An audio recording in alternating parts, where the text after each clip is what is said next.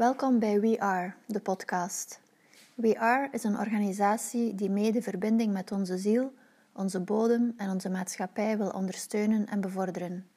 Satish Kumar zei het in 2012 al. De drievuldigheid die we in deze tijd nodig hebben, is die van soil, soul en society. Dat was ondertussen zeven jaar geleden, maar is nog altijd even hard nodig als we de generatie van herstel willen worden om als mens en als mensheid een prachtig en essentieel deel te zijn van het wonder van het leven op onze aarde. Daar zijn nog drie andere woorden voor nodig, namelijk hart, hoofd en handen. Want we moeten ons verbinden met ons hart, zodat onze gedachten en woorden vanuit liefde wijsheid kunnen delen, en zodat onze handen hiernaar kunnen handelen en we die liefde en wijsheid kunnen belichamen in onze dagdagelijkse daden. Door het delen van deze gesprekken door het delen van kwetsbaarheden, van inspiratie en van kracht wil ik verhalen delen die ons verbinden met onszelf, met elkaar en met onze bron van leven, de natuur. Door het delen van kennis, wijsheden en praktijken wil ik het helen van water, het herstel van ons natuurlijk ecosysteem in al haar aspecten en het helen van liefde, de basis van al onze relaties in het leven, mee ondersteunen want inner healing en outer healing gaan hand in hand. We are water and we are love. Laten we dan ook met z'n allen We Are Regeneration worden. In deze eerste podcast wil ik jullie graag voorstellen aan Christine de Wolf. Christine is professioneel actief als life coach, maar heeft al een internationale carrière als advocaat en businesscoach achter de rug. Momenteel is het haar missie om echtheid in de professionele sfeer te brengen en om mensen dichter bij zichzelf en hun passie te brengen. Sinds vorig jaar is ze ook naar buiten gekomen als auteur, met dit jaar haar debuutroman Ava Miller en ik, een coming-of-age verhaal dat ik uiteraard iedereen die in de mens en de menselijke psyche geïnteresseerd is kan aanraden. Door haar schrijven wil ze verhalen vertellen waarin ze het menselijk gedrag wil ontleden, de levensloop van een leven wil blootleggen het belang van de keuzes die we maken wil begrijpen. Niet altijd even serieus, dikwijls bitterzoet, maar altijd uiterst scherpzinnig en intelligent, zoals ik haar ook ken. In deze podcast deel ik mijn vragen en haar antwoorden met jullie. Daarna stelt Christine op haar beurt enkele vragen aan mij. Dus zonder verder te, treuzelen geef ik het woord aan Christine de Wolf. Dag Christine. Hallo. um, we gaan direct met de deur in huis vallen en ik wil jou eigenlijk heel graag vragen wat dat het is dat jij wil delen met de wereld van jouzelf. Oké. Er is natuurlijk, zoals het altijd is, je hebt al gezegd, auteur enerzijds, uh, coaching anderzijds, dat is eigenlijk ook altijd wel een andere verhouding natuurlijk. Dus eventjes bekijken wat dat er gemeenschappelijk uh, in is. Dus ik denk dat heel, het heel belangrijk is voor mijzelf. Maar ja, het is altijd zo, hè, wat je zelf belangrijk vindt, is ook hetgene dat je te delen hebt.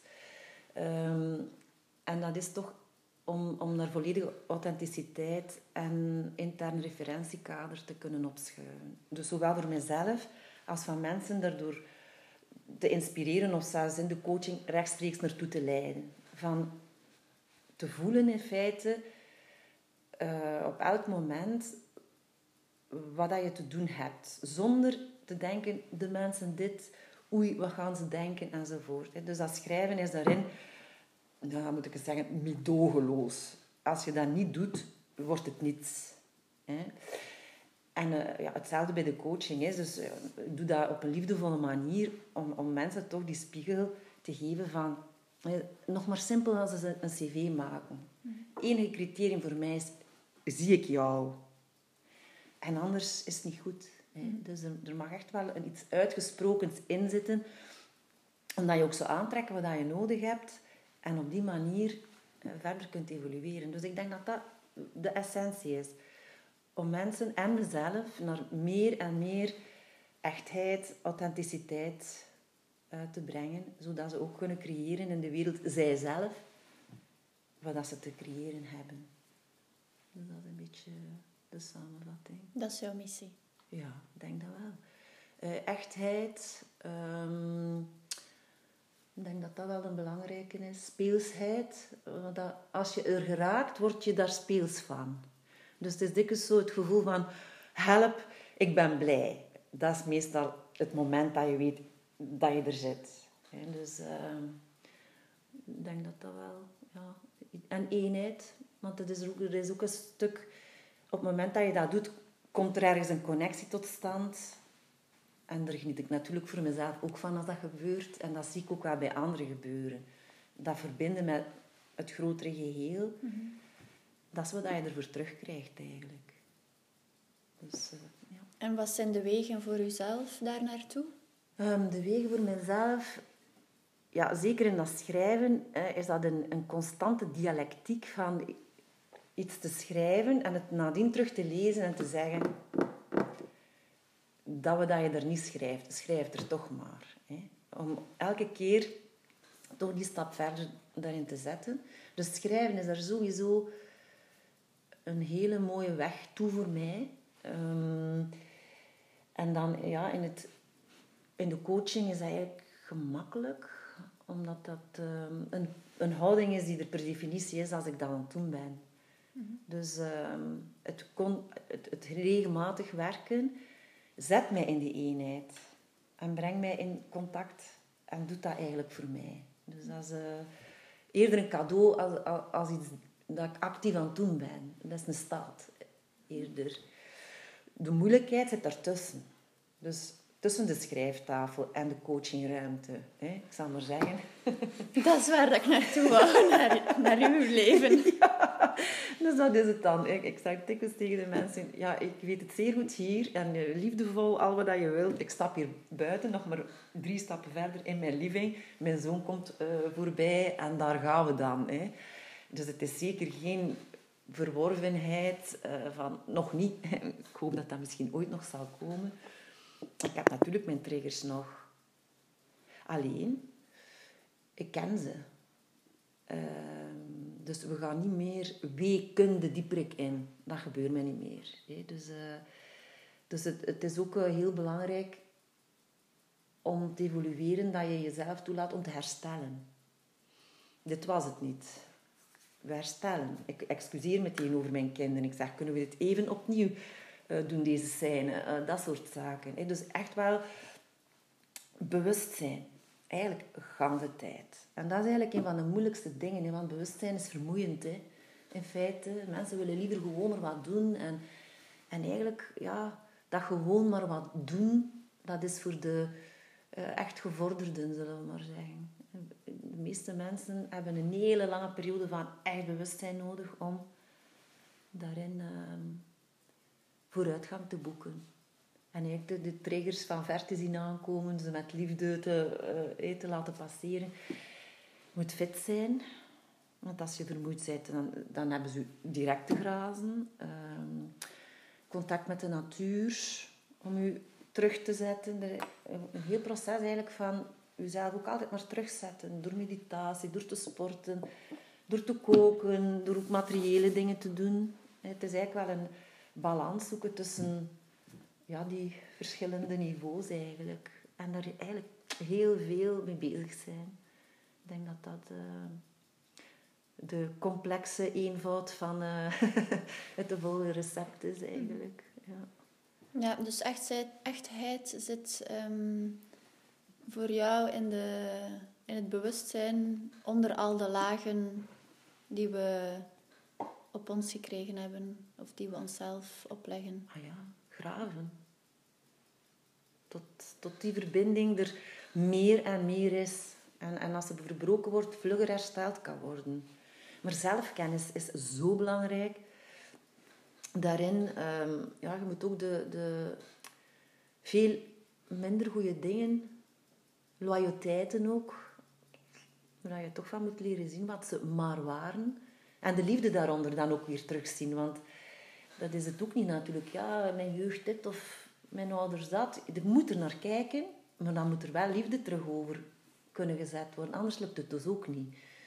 Maar ik denk wel dat die, die zelfkennis van wat het geweest is, dat dat begin is. Als je, zolang als je probeert om alles toe te dekken, ehm, geloof ik het niet. Ook de pijn eigenlijk, eh, die er ooit geweest is. Of ze nu rationeel was of niet, dat doet er niet toe. Pijn is pijn.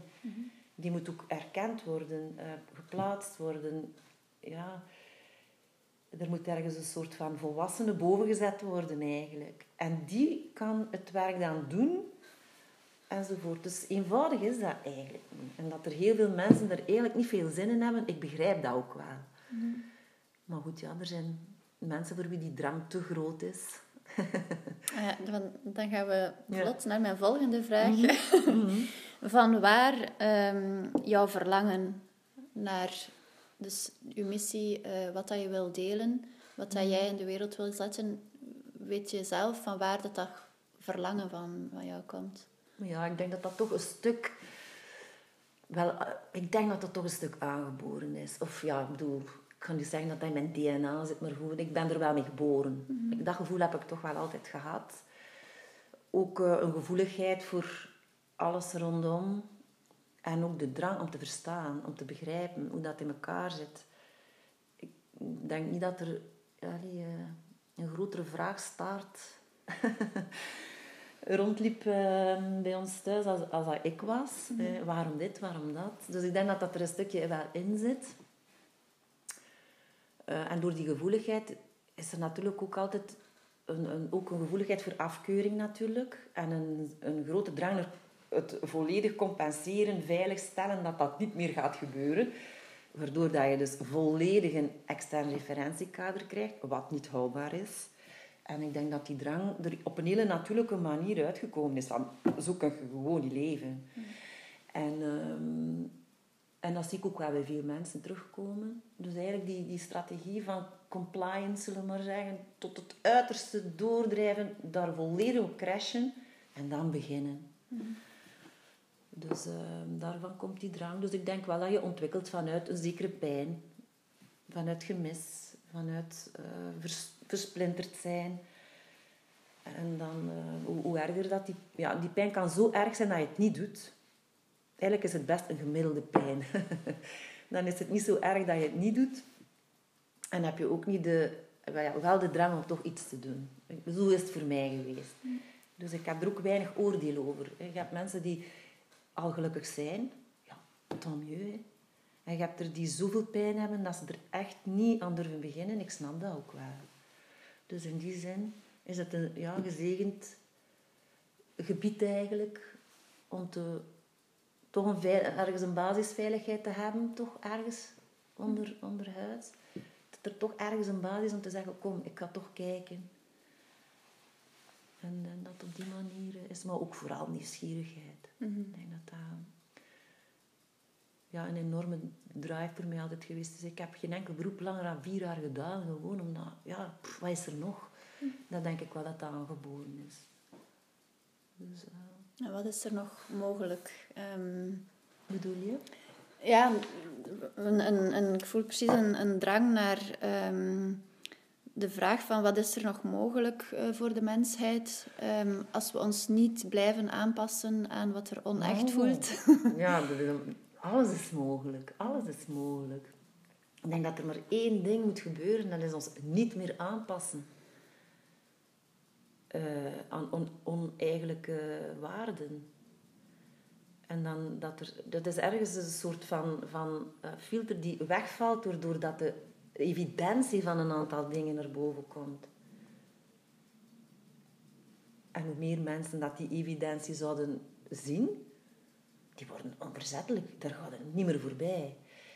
En dat op meer plekken, met meer ja, verbanden, kan enorme omwentelingen teweeg brengen. Volgens mij is dat stuk bezig wel. Maar dus ja, je hebt wel moed nodig. Hè. Dat, en dus ontwikkeling en dus bewustzijn. En dat kost moeite. En toch zie ik het wel gebeuren. Nee, er is veel mogelijk. En dat kan ineens gaan ook. In mijn ogen. Dus... Eh, en maatschappelijk gezien dan, ehm, wat kunnen we volgens jou leren uit de periode waarin dat we nu met z'n allen leven? Mhm. Ja, ik heb wel het, het gevoel dat het toch... Dat we ergens op het, op het toppunt van een kwalijke curve zitten. en dat je denkt soms, dat je, als je, laat ons nu maar zeggen, eh, over het klimaat, dat je dan ziet dat er in de jaren 60 ook al mensen waren die zeiden, uh, hallo, uh, dit gaat de verkeerde kant uit. En dat we dan toch nog gemakkelijk uh, dat 50, 60 jaar compleet blind voor blijven. Ehm, dan vind ik dat wel zeer interessant om te zien dat er altijd nog een manier bestaat of gevonden kan worden om, om mensen in een soort slavernij onder te dompelen. Vroeger hadden we kettingen nodig, nu dus niet meer. Hè. Blijkbaar is televisie en ik weet niet wat nog allemaal meer aan genoeg om mensen in slaap te wiegen en, en absoluut niet te doen wat er goed is voor hen, de wereld enzovoort. Uh, dat, is, dat is één aspect. Um, dus ja, dat heel onlogische denkbeelden zeer lang kunnen overleven. Ik denk dat daar ook bij komt ja, uh, het feit dat dat we in een, een, op een periode zitten, dus dat, dat we eigenlijk God hebben afgeserveerd, maar niks anders hebben om ons met het grotere geheel te verbinden. Dat, maakt dat het, net zoals ik er net vertelde, een strategie die lang gevolgd is, hè, zoals een persoonlijke strategie op een eindpunt komt, komt die nu ook op haar eindpunt. Je kunt niet puur materialistisch leven, want dan gaat je wereld ondermijnd worden. Je kunt niet onverbonden leven. Je gaat iets anders moeten zoeken. Uh, of je gaat als mens en als community en als geheel ondermijnd worden. Dus ik zit daar naar te kijken. Maar natuurlijk, eigenlijk wisten de, de hippies het ook al. Dus ik ben vooral benieuwd van hoe lang houden we het nog vol en welke misschien rampen hebben we nodig of, of gaan we misschien toch al vooraf reageren. En hoe dat kan, hoe dat is al gebeurd. Hè. Denk maar aan de de rakettenverspreiding, dat is ook gewoon op een bepaald moment weggedeemsterd. Dus ik geloof wel dat er ehm, mogelijkheden zijn. En dan zie je dat er nu toch een generatie is opgestaan, jongeren. Generation X heeft niet zoveel om fier over te zijn, maar die jonge mensen beginnen nu toch wel te zeggen, ja maar... Dus dat zijn indicatoren dat dat soort ja, uh, cyclische maar elke keer wel naar een hoger niveau. Ik denk dat vanuit de hippies hebben we nog eigenlijk dat neoliberalisme gekregen. Wat absurd is in feite. Maar nu zie je dat toch weer gerecycleerd worden op een misschien iets rationeler niveau, waardoor dat iets beter georganiseerd wordt, waardoor dat misschien ook wel meer kans op slagen heeft. Dus geleerd, ja, het is, om met verbazing uh, gade te slaan eigenlijk, wat er nu gebeurt. Uh, ik ben al blij als ik het begrijp. Of dat ik er nu iets uit leer.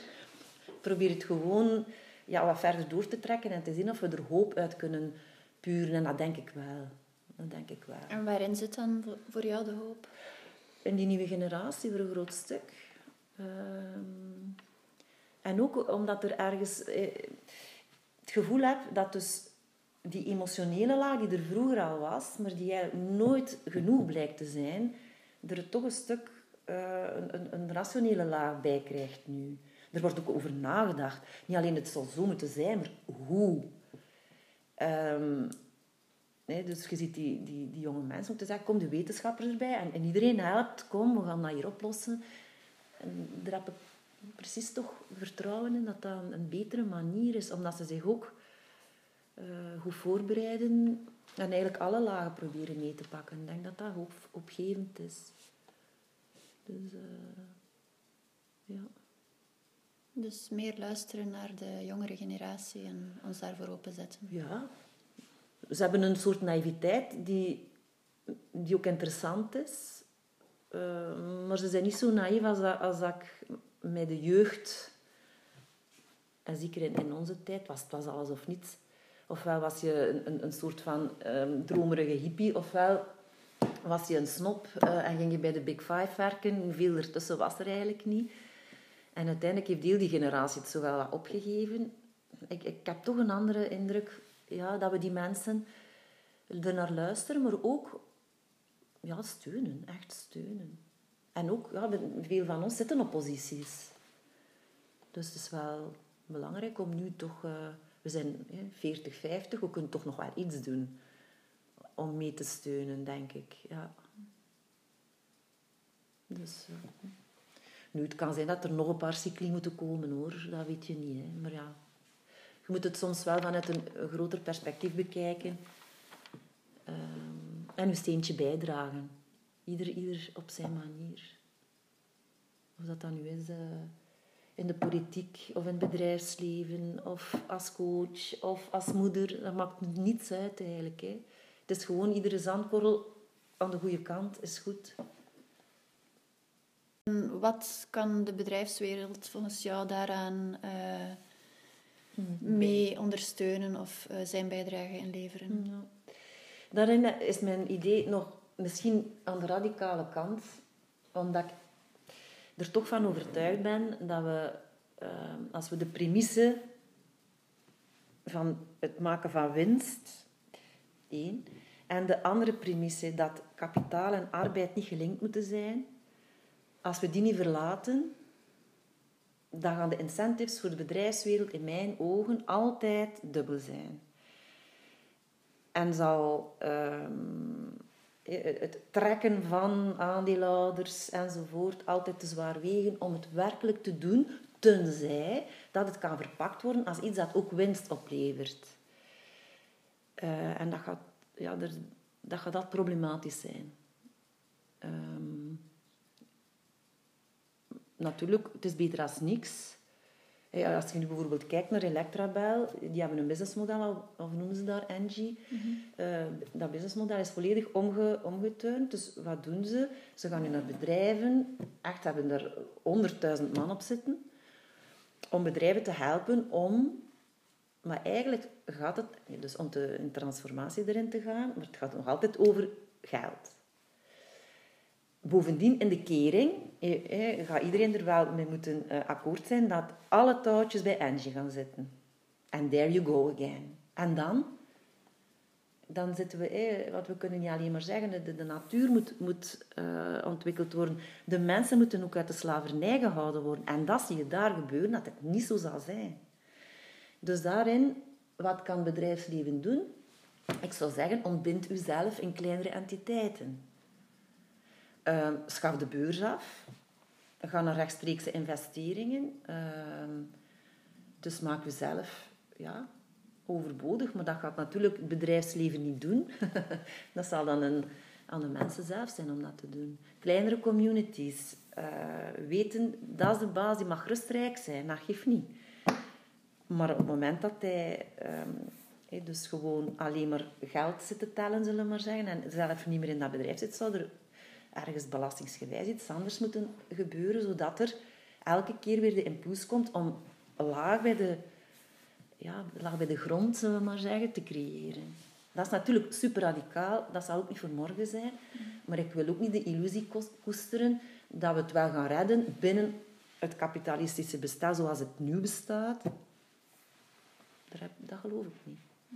Dan gaat het van individuen afhangen die eigenlijk vechten tegen de bierkaai die een burn-out gaan uit, uitroeien omdat, omdat dat gewoon te veel kost. Die uh, denken, ah, uh, we kunnen hier ook nog op een andere manier geld aan verdienen, die hun businessmodellen gaan veranderen. Maar die, dat gaat dus wel het stuk natuur helpen, wat ik al super vind, maar niet het stuk slavernij. Mm En wat is uh, volgens jou vrijheid? Ah, iets dat deugd doet, om te beginnen. um, Ja, vrijheid is eigenlijk kunnen zeggen: dit ga ik doen en denk ervan wat dat jullie willen. Dat is eigenlijk vrijheid. Vrijheid is eigenlijk kunnen schuld nemen, schuldig zijn eigenlijk. Um, en, en, en, en, ja, die eigen authentieke bijdrage te leveren, een beetje tegen de stroom in. Dat lijkt mij vrijheid. Vrijheid is voor mij niet uh, alleen op een eiland zitten uh, of, of, of, dat soort zaken, maar werkelijk volgens uw eigen intern referentiekader elke dag die bijdrage kunnen leveren en abstractie maken van wat de goede gemeente daarvan denkt.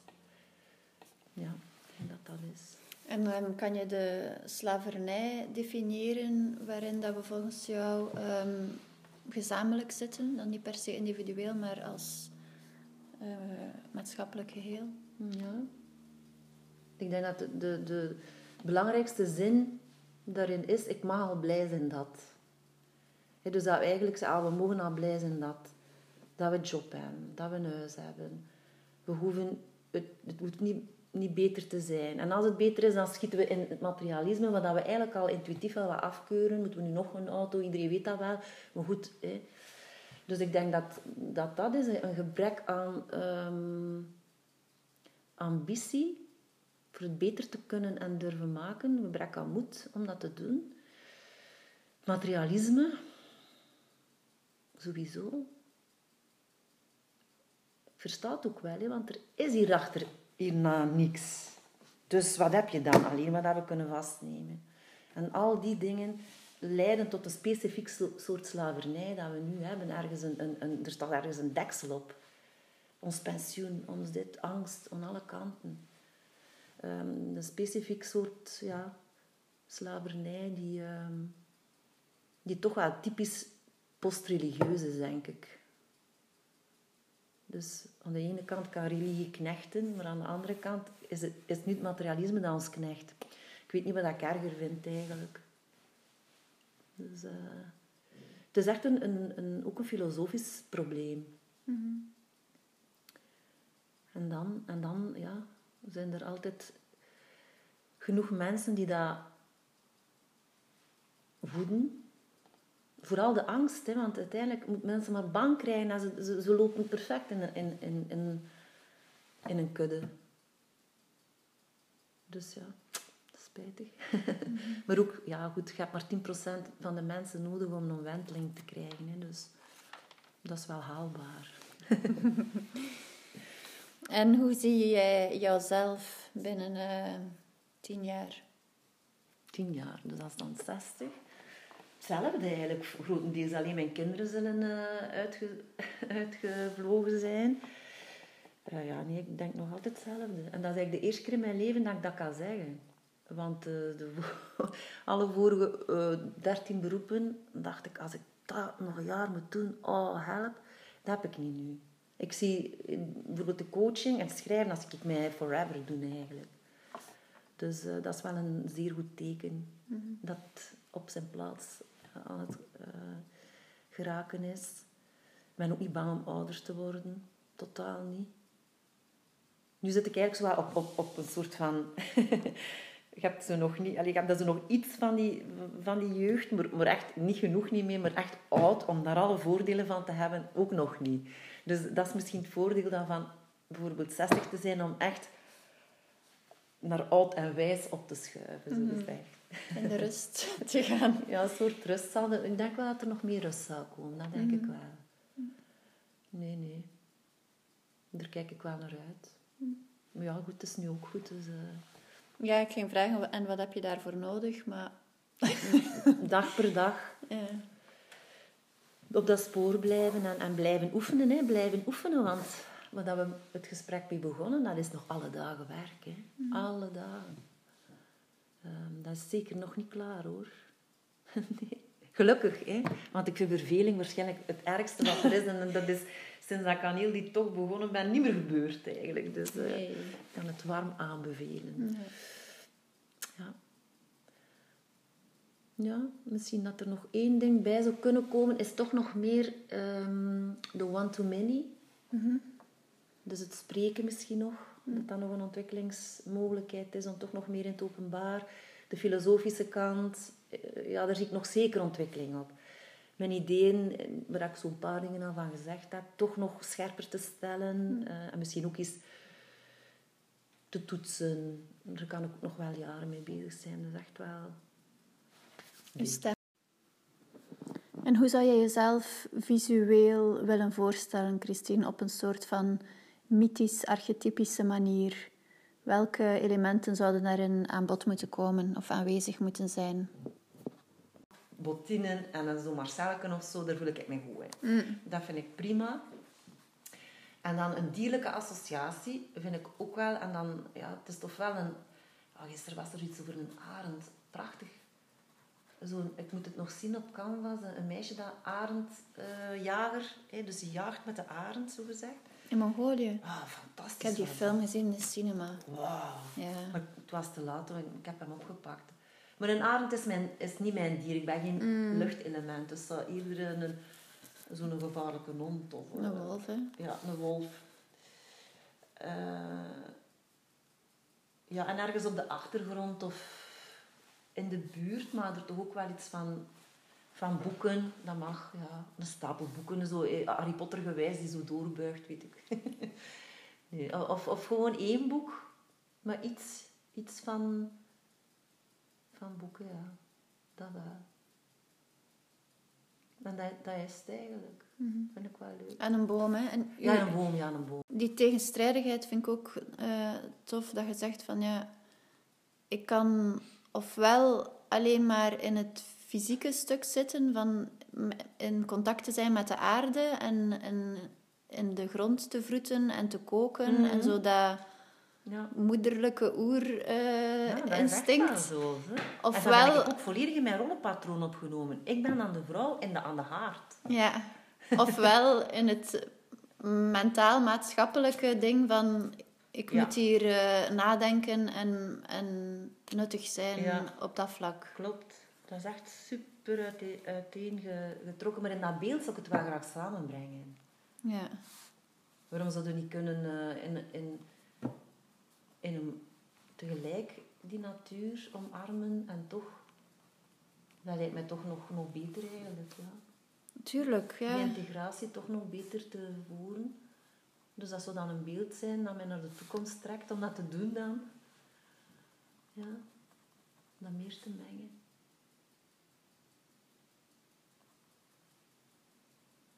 Ja, en toch een soort ja, strijdvaardigheid, maar dan also eerder... Want als ik natuurlijk in de natuur zit, voel ik de nood tot strijd niet. Dan, zijn, dan zijn die kleren gewoon gemakkelijk om in te werken. Maar het is voor mij wel een soort symbool als je er dan uitkomt, dat er toch een strijd is. Een soort spiritual warrior-achtige strijd. Begrijp je wat Ja. we zeggen? En de strijd zit echt op dat mentale. Ja. In de natuur is er alleen maar, ja, genieten. Hè. Dat is nog iets anders. Maar ja, je hebt ook in de natuur, zoals dat ik die zie, toch best tot tien. Ik ben altijd alleen maar op mijn blote Ah, ja, voeten. Ik dat- beklim bergen met mijn Oh, blote dat voeten. niet. Ja, dat moet misschien ook nog komen, voorlopig... Dat moet niet, hè. Ik hou wel van een mooie, goede leerschoen. Ja. Een mentale strijder. Ja, het is eigenlijk een spiritual warrior nog Ja. meer. Omdat dat toch een soort strijd is om alles terug bijeen te brengen, hoor. Ja.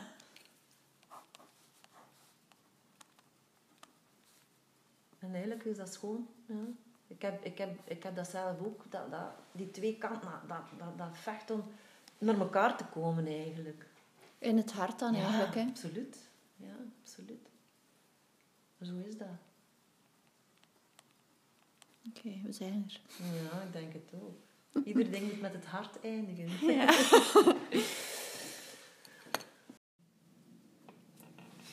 Dag Annelore. Hm, Christine. De rollen even omgedraaid. Ja.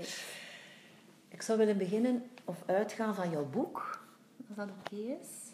Ehm, en wat me daarin ja, opviel, maar jij zal mij zeggen of dat klopt of niet, is dat je eh, daarin toch ook een, een, beweging ziet hè, van ehm, het persoonlijke naar het eh, meer groepsgebeuren, om vandaar dan te landen in jouw activisme, zoals je het zelf noemt.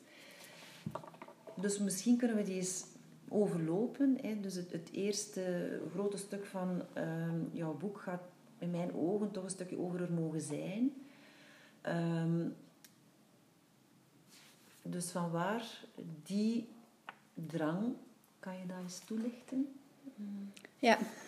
Ehm, ik heb gaandeweg ehm ingezien of mij herinnerd dat, dat ik eigenlijk sinds ehm kinds af aan ehm, mij niet thuis voelde in, in het maatschappelijk eh, geheel waarin dat we geland zijn. Ehm, ik voelde mij wel deel van het universum en de, de wereld op zich.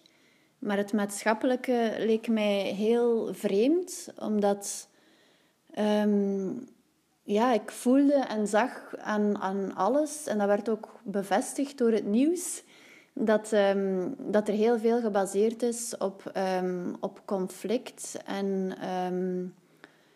onwaarheden en uh, ja, onderdrukking van, van alles en nog wat. Uh, en dat leek mij zo niet echt de bedoeling. Of, of um, ja, ik vond het absurd dat, dat dat blijkbaar normaal was en dat we dat moesten aanvaarden als zijnde de wereld waarin dat we leven.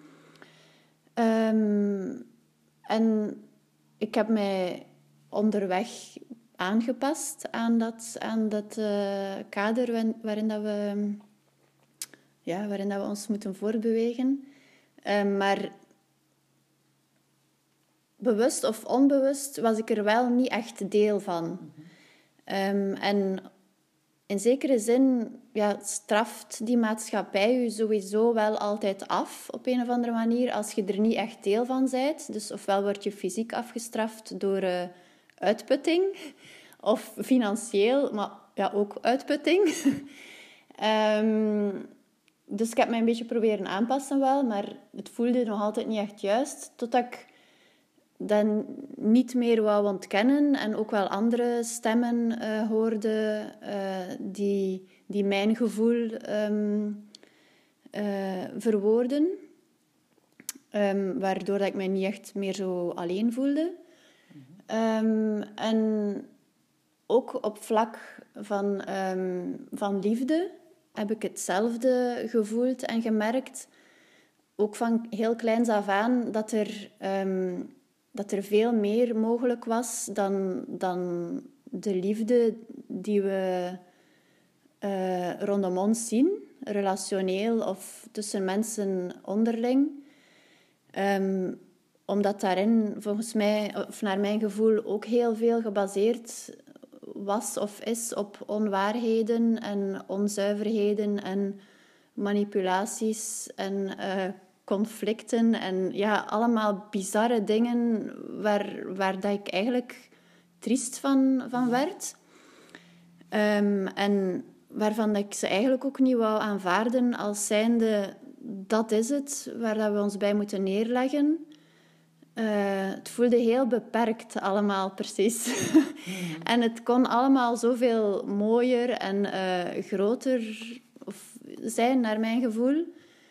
Um, dus komt het er denk ik op neer dat ik nu bewust actief deel wil zijn van dat transformatieproces naar een, um, een, uh, een volwassener mensheid die, um, ja, die verbonden is met, met wat het er wel kan en, en, en zich daar ook gewoon toe verbindt uh, en zich niet neerlegt bij, bij bij wat dat er is, maar die verder wil gaan dan dat. Uh, en ja, daar, uh, dat zit nu heel erg verankerd in mijn, in mijn hart en ziel en mijn hele wezen. En daar wil ik uh, nu trouw aan, aan zijn en blijven. dus ik denk dat dat een beetje. Mhm. Dus het feit dat je die missie hebt, is dat dan er mogen zijn voor jou? Um, er mogen zijn, ja, dat, ik heb mezelf dikwijls ontkend. Um, denk ik, door, ja, denk ik niet, maar dat is zo doorheen mijn leven. Um, ja, dat is precies een ander proces, maar een soort van um, een gevoel van hier niet te mogen zijn. en mezelf daarin ook fysiek ontkend een, een gevoel van niet aanwezig te zijn of niet zichtbaar te zijn en, en uzelf weg te cijferen ook. Maar ik denk dat dat heel veel verschillende oorzaken, bewust en onbewust, en ook, ja, ook nog van generaties voor mij, um, komt. En ook denk een, een soort van schrik om, om, om wel te gaan staan in wie dat je bent en je stem te laten klinken. Um, als vrouw is dat nog moeilijker, denk ik. Of, of zit daar nog iets anders van lading op dan, dan als man? Dat, uh, ik kan niet, niet spreken vanuit het mannelijk standpunt, maar dat voelt ehm, alsof dat mannen gemakkelijker daarin kunnen gaan staan. Uh, en voor mij, naar mijn gevoel, moest ik ook eerst helemaal perfect zijn voordat ik uh, kon of mocht zeggen of doen wat dat ik dacht te moeten doen. Maar nu ja, trek ik mij daar helemaal niks meer van aan en vind ik het belangrijkste om trouw te zijn aan mezelf en um, om niet uh, rekening te houden met het oordeel van een ander of die dicht of ver van mij staat. Um, maar ja, ik, ik, ik, zie mezelf graag genoeg om, um, om daar uh, geen rekening meer mee te houden. Oké. Okay. Um, dus je maakte daarnet al allusie op het moment waarop dat je mensen begon te zien die eh, een stukje herkenning bij anderen dat je daar je niet meer alleen in voelde. Dat is eigenlijk het, tweede grote stuk. Um, kan je daar ook misschien nog iets, ja, wat dat voor jou betekend heeft? Hoe, hoe dat je naar op zoek gegaan bent en, en, en wat het hey, verbinden, in, in dit geval met andere vrouwen, in jouw proces heeft betekend? Um, uh, ja, over het verbinden met, met, het, met, uh, met anderen. Um, ja, gaandeweg hoor en zie je wel af en toe um, mensen die dingen zeggen die, die resoneren, waarvan dat je voelt dat het, dat het uh, een waarheid is die, die ik ook voel. Um, en dat maakte mij sterk om um, niet meer mee te doen aan, het, uh, aan, aan datgene wat dan maatschappelijk van mij verwacht werd. En, en zelf op zoek te gaan naar hoe ik, hoe ik dat dan wel kon uh, belichamen, die waarheid die ik voelde. Um, en ik begon die zoektocht bewust voor mijn kinderen, om, omdat ik mijn waarheid aan hen toch op zijn minst wou kunnen verwoorden. Mm -hmm. Uh, als ik ze al niet helemaal kon belichamen, wou ik ze toch kunnen uh, verduidelijken. Um, en mijn kinderen zijn, do zijn dochters, zijn, zijn meisjes. Um, en door aan die zoektocht te beginnen, um, kwamen er heel veel vrouwelijke stemmen, of, of stemmen die de vrouwelijke wonde, uh, die ook gelinkt was aan het ontkennen van, van het fysieke lichaam van de aarde en onze verbondenheid daarmee, uh, die dat uh, verwoorden. En dat, ja, dat, dat boeide mij op een of andere manier heel erg, alhoewel dat ik het vrouwelijke voordien heel erg ontkend had, want ik wou meer stoer zijn of deel zijn van, van de jongens en ik vond het vrouwelijke zo eerder flauw of zo. Of, of niet, ja, niet zo nuttig op een of andere manier. Omdat ja, het mentale is ook nogal belangrijk voor mij, dingen begrijpen. Um, maar hoe langer, hoe meer dat ik um, leerde of, of te weten kwam over dat vrouwelijke, um, hoe, meer dat ik mezelf ook terug herkende en, en die verbondenheid met de aarde heel erg aanwezig was. Die verbondenheid die ik al zo lang voelde, maar waar dat er ook veel pijn op zat. En ook die ver, verbondenheid met dat vrouwelijke, die, daardoor kwam er ook veel uh, uh, pijn um, naar de oppervlakte. Dus dat onderzoek daarvan uh, was wel een heel belangrijk proces om mij ook te kunnen verbinden met andere vrouwen. En om dat om die ontdekkingstocht samen uh, een beetje aan te gaan en elkaar daarin te kunnen steunen en versterken.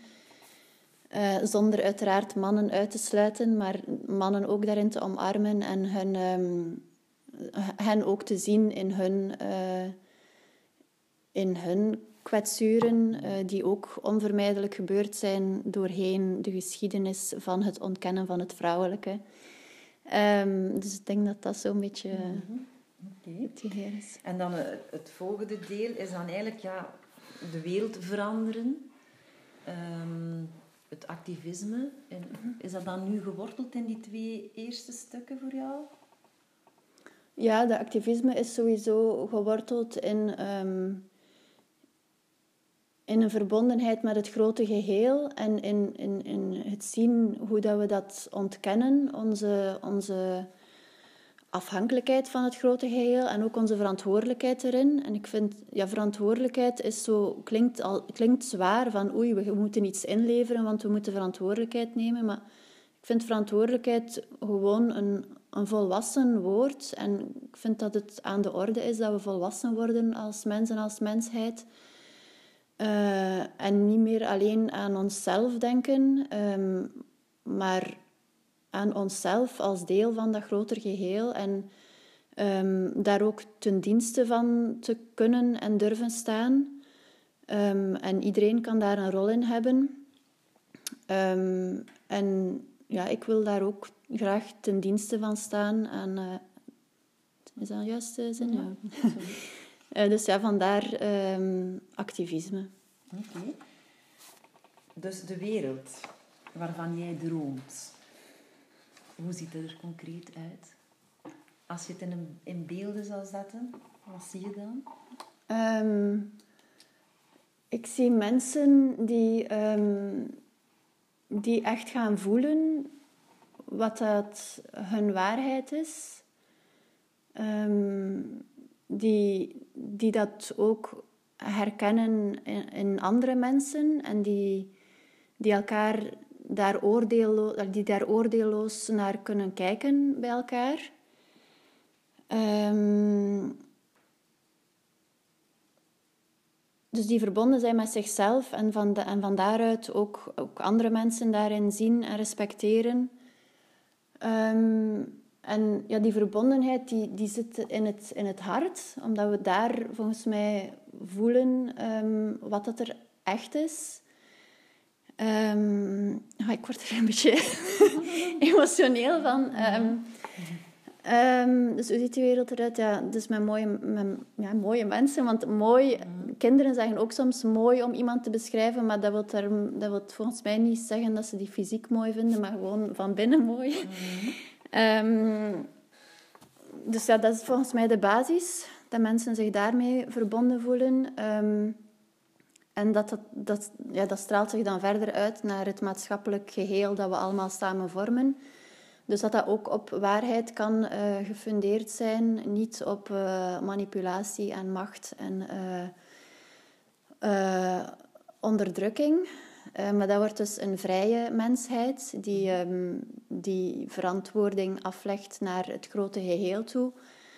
Um, maar die dus niet kan onderdrukt worden. Um, en dat zal zich ook veruitwendigen in, uh, in positieve evoluties, want die staan allemaal ten dienste van, uh, van onze verbondenheid met elkaar en met de aarde.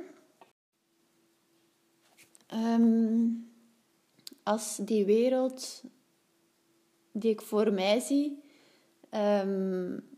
zou, uh, zou verwezenlijkt worden, dan, dan zie ik um, mensen die, uh, die verbonden zijn met zichzelf.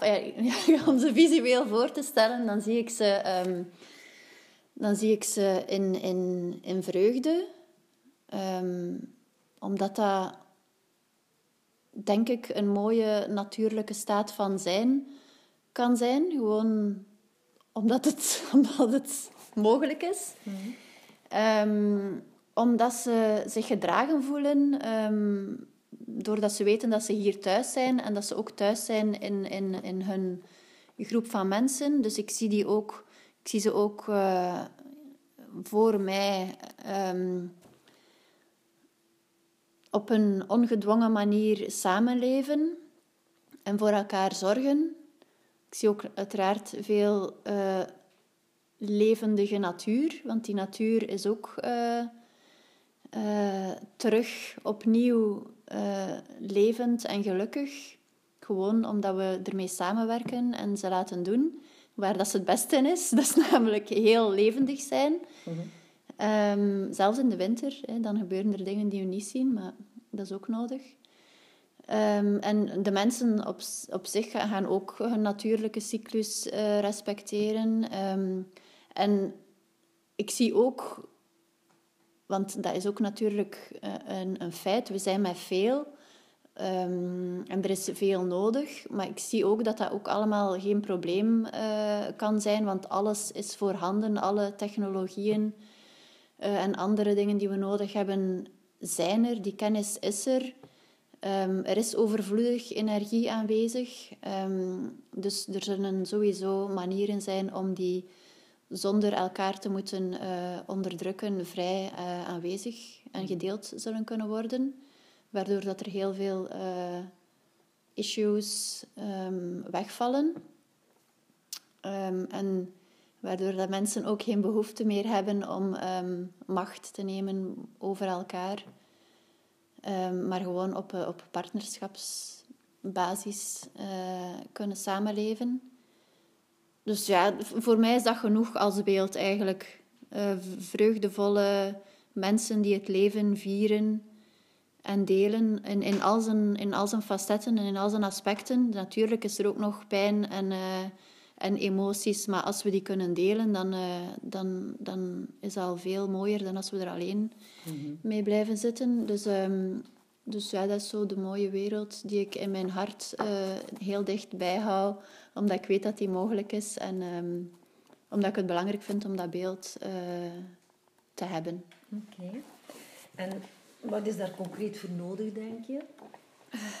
Dat is ook wel een uh, ruime vraag. Daar is dat heel, het toch weet. Ja, heel concreet voor nodig. Um, vrijheid, wat dat, dat klinkt, uh, dat klinkt uh, vrij en, en ongedwongen, maar voor mij is die vrijheid ook verbonden aan verantwoordelijkheid. Maar bon, ik ga het eerst, eerst over vrijheid hebben. Um, vrijheid betekent voor mij vrij zijn van angst. Dus niet te moeten leven met schrik voor de ander, schrik voor onzekerheid, schrik voor wat er ooit misschien kan gebeuren, schrik voor tekort, uh, schrik voor alles waar we tegenwoordig schrik voor hebben, schrik om beoordeeld en veroordeeld te worden. Dus al die angst um, is wat dat we moeten loslaten. Uh, loslaten is niet zo gemakkelijk, maar omdat we ons graag, denk ik, veilig en klein houden op een of andere manier. Want ik denk dat we bang zijn stiekem van vrijheid. Um, en dat, dat, dat is echt een uitdaging. Dat is sowieso een uitdaging om, om zeker in de context die er nu is, uzelf vrij te maken. Uh, maar hoe meer mensen dat, dat gaan doen en dat gaan durven, hoe makkelijker het zal worden. En hoe gezelliger het zal worden om vrij te zijn. Um, dus dat is er volgens mij heel erg nodig. Uh, angst loslaten. En van daaruit gaat er al veel uh, mogelijk zijn, denk ik. Uh, angst en ook, um, ook bewustwording. Sowieso bewustwording dat we een deel zijn van een groter geheel en dat we daar een een rol in hebben als mens, een mooie rol. Een rol om ervoor te zorgen, uh, zodat het op, zijn, op de best mogelijke manier kan blijven zijn wat het kan zijn. Um, dus ja, die verantwoordelijkheid is iets belangrijk. Um, dat, dat, is gewoon essentieel om, um, om de wereld te kunnen laten evolueren naar wat dat die kan zijn. Want anders uh, is er, blijft er mogelijkheid tot misbruik. Um, maar als, er, als mensen in die vrijheid en verantwoordelijkheid staan, dan gaat het moeilijk zijn om ze te kunnen misbruiken. Dus, ja. En zie je een verband tussen die verantwoordelijkheid en, en zingeving? Ja, sowieso, omdat Um, die verantwoordelijkheid komt er vanuit het, vanuit het gevoel dat we, zin, uh, dat we deel zijn van een, uh, een super intelligent, onvatbaar als mens uh, geheel. Ongelooflijk mooi. Allee, nu kunnen we het zien op natuurdocumentaires, hoe mooi dat de wereld nog, nog is. Um, en hoe ingenieus en ja, ik denk dat het heel belangrijk is om stil te staan bij, het, bij hoeveel dat we nog niet weten en niet uh, begrijpen om te kunnen beseffen hoe wonderlijk dat het universum uh, in zich is. En we hoeven het ook niet per se te begrijpen, volgens mij. We hoeven, hoeven het alleen maar graag te zien en, en, uh, en te beseffen hoe, hoe formidabel dat is dat we daar deel van mogen zijn. Um, dus wat was de vraag? Ja, ja. Um, wat er... Zingeving. Ja, zingeving. Ja, ik denk dat dat genoeg zingeving is. Voor mij is dat echt genoeg zingeving. Het dus feit, op het moment dat we dat beseffen, kunnen we de burn-out voor eeuwig begraven. Is dat uh, ook wat je daar eventueel aan verbindt?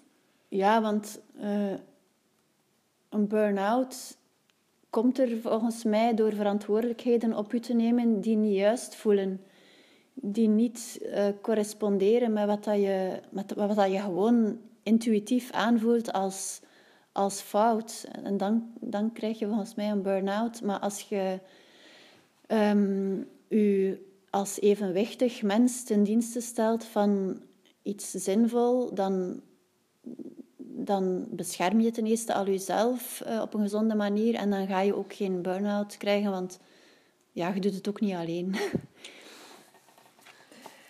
Um, want, ga je, gaat, want het is een, een, groot werk, het is vooral een werk van bewustwording. En er gaan van iedereen die dat doet, er zal iets uit voortspruiten. Dat is eerder een concreter project dan. Dus wat zie jij als jouw concrete bijdrage om dit buiten u, uzelf tot die vrijheid en verantwoordelijkheid te brengen? Hmm, het concrete project. Um, dat is een organisatie onder de naam of onder de noemer We Are Regeneration. Um, omdat deze tijden een uh, grote kans uh, creëren of naar voren brengen om de generatie van herstel te worden. Um, ja, een herstel dat op heel veel verschillende vlakken uh, nodig is en op verschillende manieren kan ingevuld worden door ieder naar zijn of haar eigen talent. Um, maar met We Are Regeneration um, is, dat, is dat herstel onderverdeeld in twee grote blokken, waar er heel veel onder valt volgens mij. en die zijn uh, langs de ene kant We Are Water en de andere We Are Love. dus onder We Are Water uh, water staat symbool voor um, het ecologisch, totale ecologische ecosysteem van onze planeet. Um, want water is, ja, staat voor de flow in het, in het lichaam van de aarde. Um, een, een, een materie die, die doorheen, de hele, doorheen het lichaam van de aarde een hele cyclus uh, doorloopt. Dus die door de bodem gaat via de regen. Um, als de bodem gezond is, dan sijpelt het water erdoor en dan uh, worden er um, bronnen en rivieren en zo gecreëerd die naar de oceaan gaan uiteindelijk. En um, water verdampt terug en gaat zo in de wolken en doorkruist dan ook weer uh, landen en continenten. Um, en water is, is iets essentieel in ons uh, bestaan. Want zonder water is er geen leven, zoals dat we weten. Um, maar we negeren dat feit nog altijd. Um, ja, meer dan dat we zouden moeten doen. Um, ja, water is super speciaal. Dat, draagt ook uh, informatie mee. Dus terwijl het heel de, heel de cyclus van de planeet uh, doorloopt, neemt het eigenlijk ook informatie op um, uit al die plekken um, waar het terechtkomt. En ja, het, het, het vervoert zo die informatie mee doorheen de hele cyclus, doorheen het hele traject.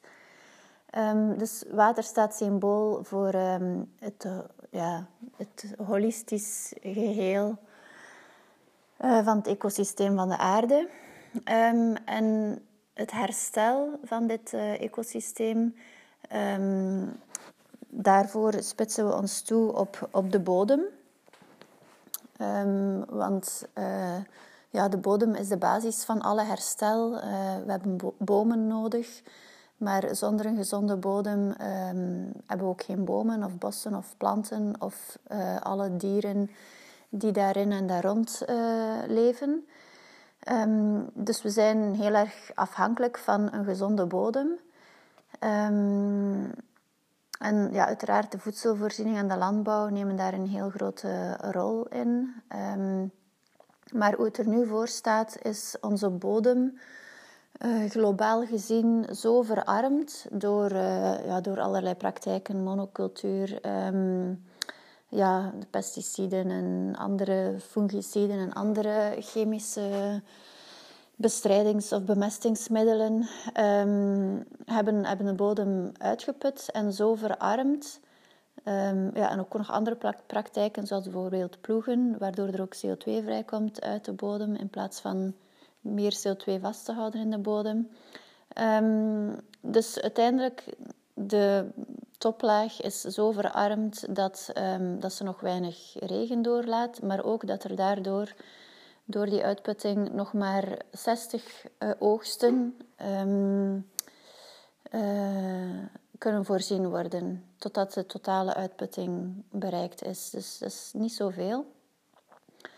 Um, dus het herstellen van de bodem, terug, die bodem terug gezond maken, is een werk waarop we ons met We Are Water willen uh, toespitsen.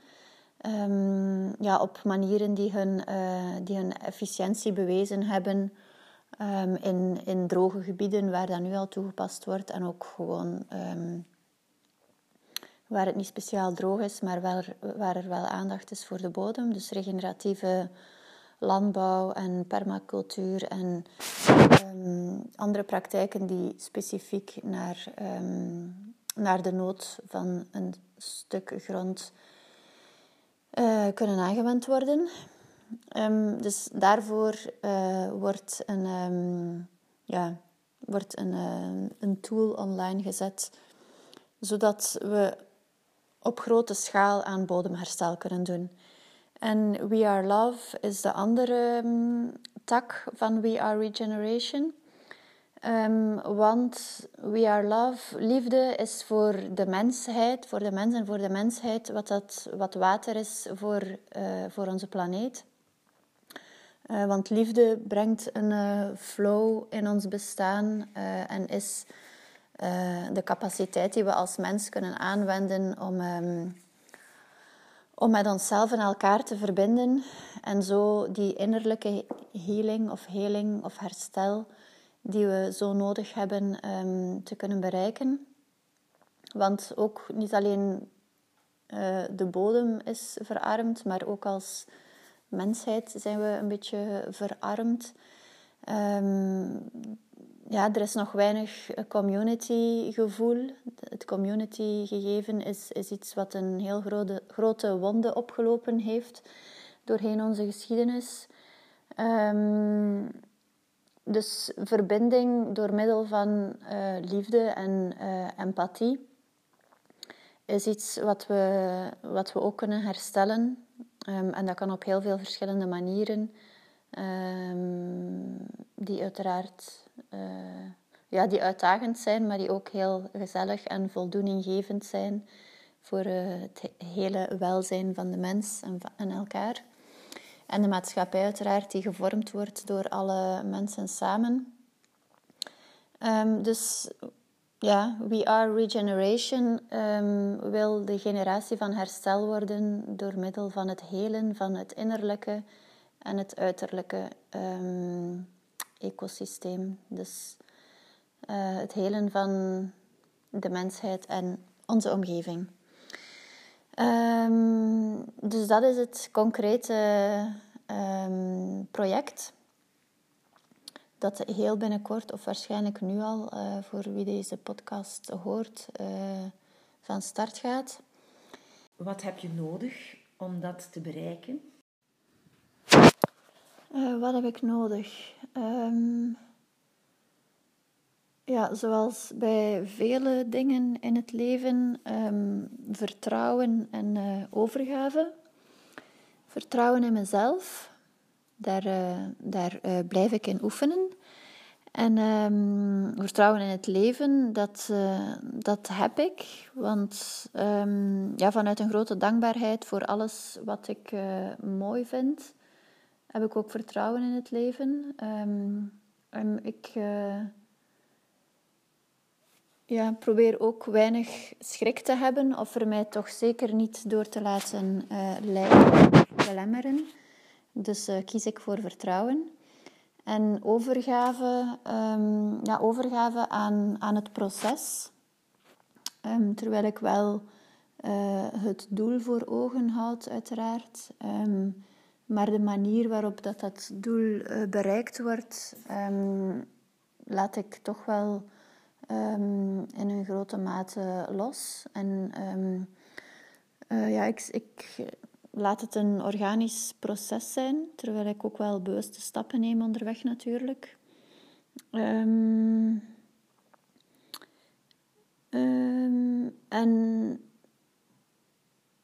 wat heb ik nog nodig? Een, ja, een concrete stap in mijn persoonlijk regeneratieproces, die ook deel is van van het professionele We Are Regeneration. Want ja, voor mij is dat gewoon allemaal verbonden. En um, levenswijze is een belangrijk onderdeel van mijn visie. Dus mijn eigen levenswijze wil ik ook um, anders gaan invullen.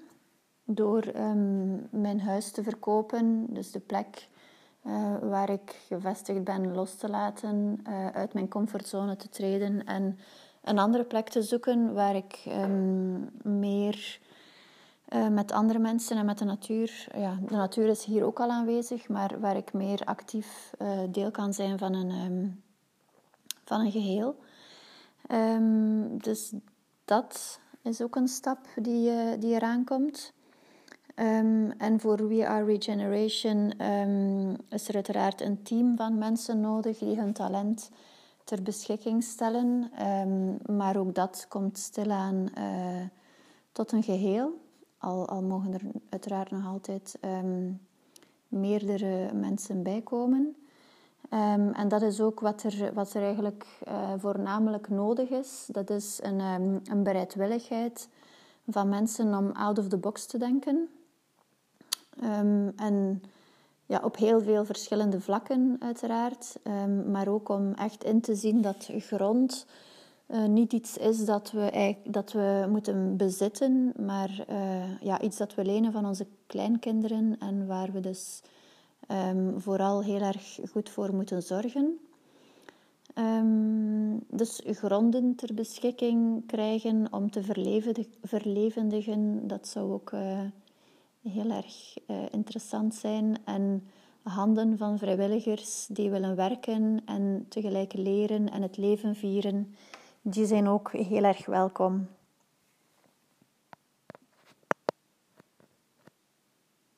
En wat zul je voelen als je daar een stap dichterbij komt? Hmm, um, als ik, uh, ik kan dat nu al voelen. Uh, hoe ik mij zou voelen. En, en ik voel mij al dikwijls zo, omdat het, omdat het gevoel van de realisatie al, al heel dicht in mij zit eigenlijk. Dus dat gevoel is er al. En dan voel ik mij, dan voel ik mij liefde. En dan voel ik mij geliefd. En dan voel ik mij uh, heel verbonden met, met mezelf en gewoon met, um, ja, met the sacredness of life. In het Engels klinkt dat mooier dan heiligheid, want heilig vind ik zo'n beetje een raar woord. Um, uh, ja, want in die sacredness zit alles gewoon. Dat zit in alles. Um, of ik, ik kan het toch uh, voelen in, uh, in alles. Um, dus ja, dan, en dat is gewoon liefde. En dan is dat heel groot. Um, en liefde, dat is heel uh, vreugdevol. En um, ja, dat, dat is zo'n groot gevoel dat dat het zelf overstijgt. Um, dus Ja, dat voelt wel redelijk goed eigenlijk.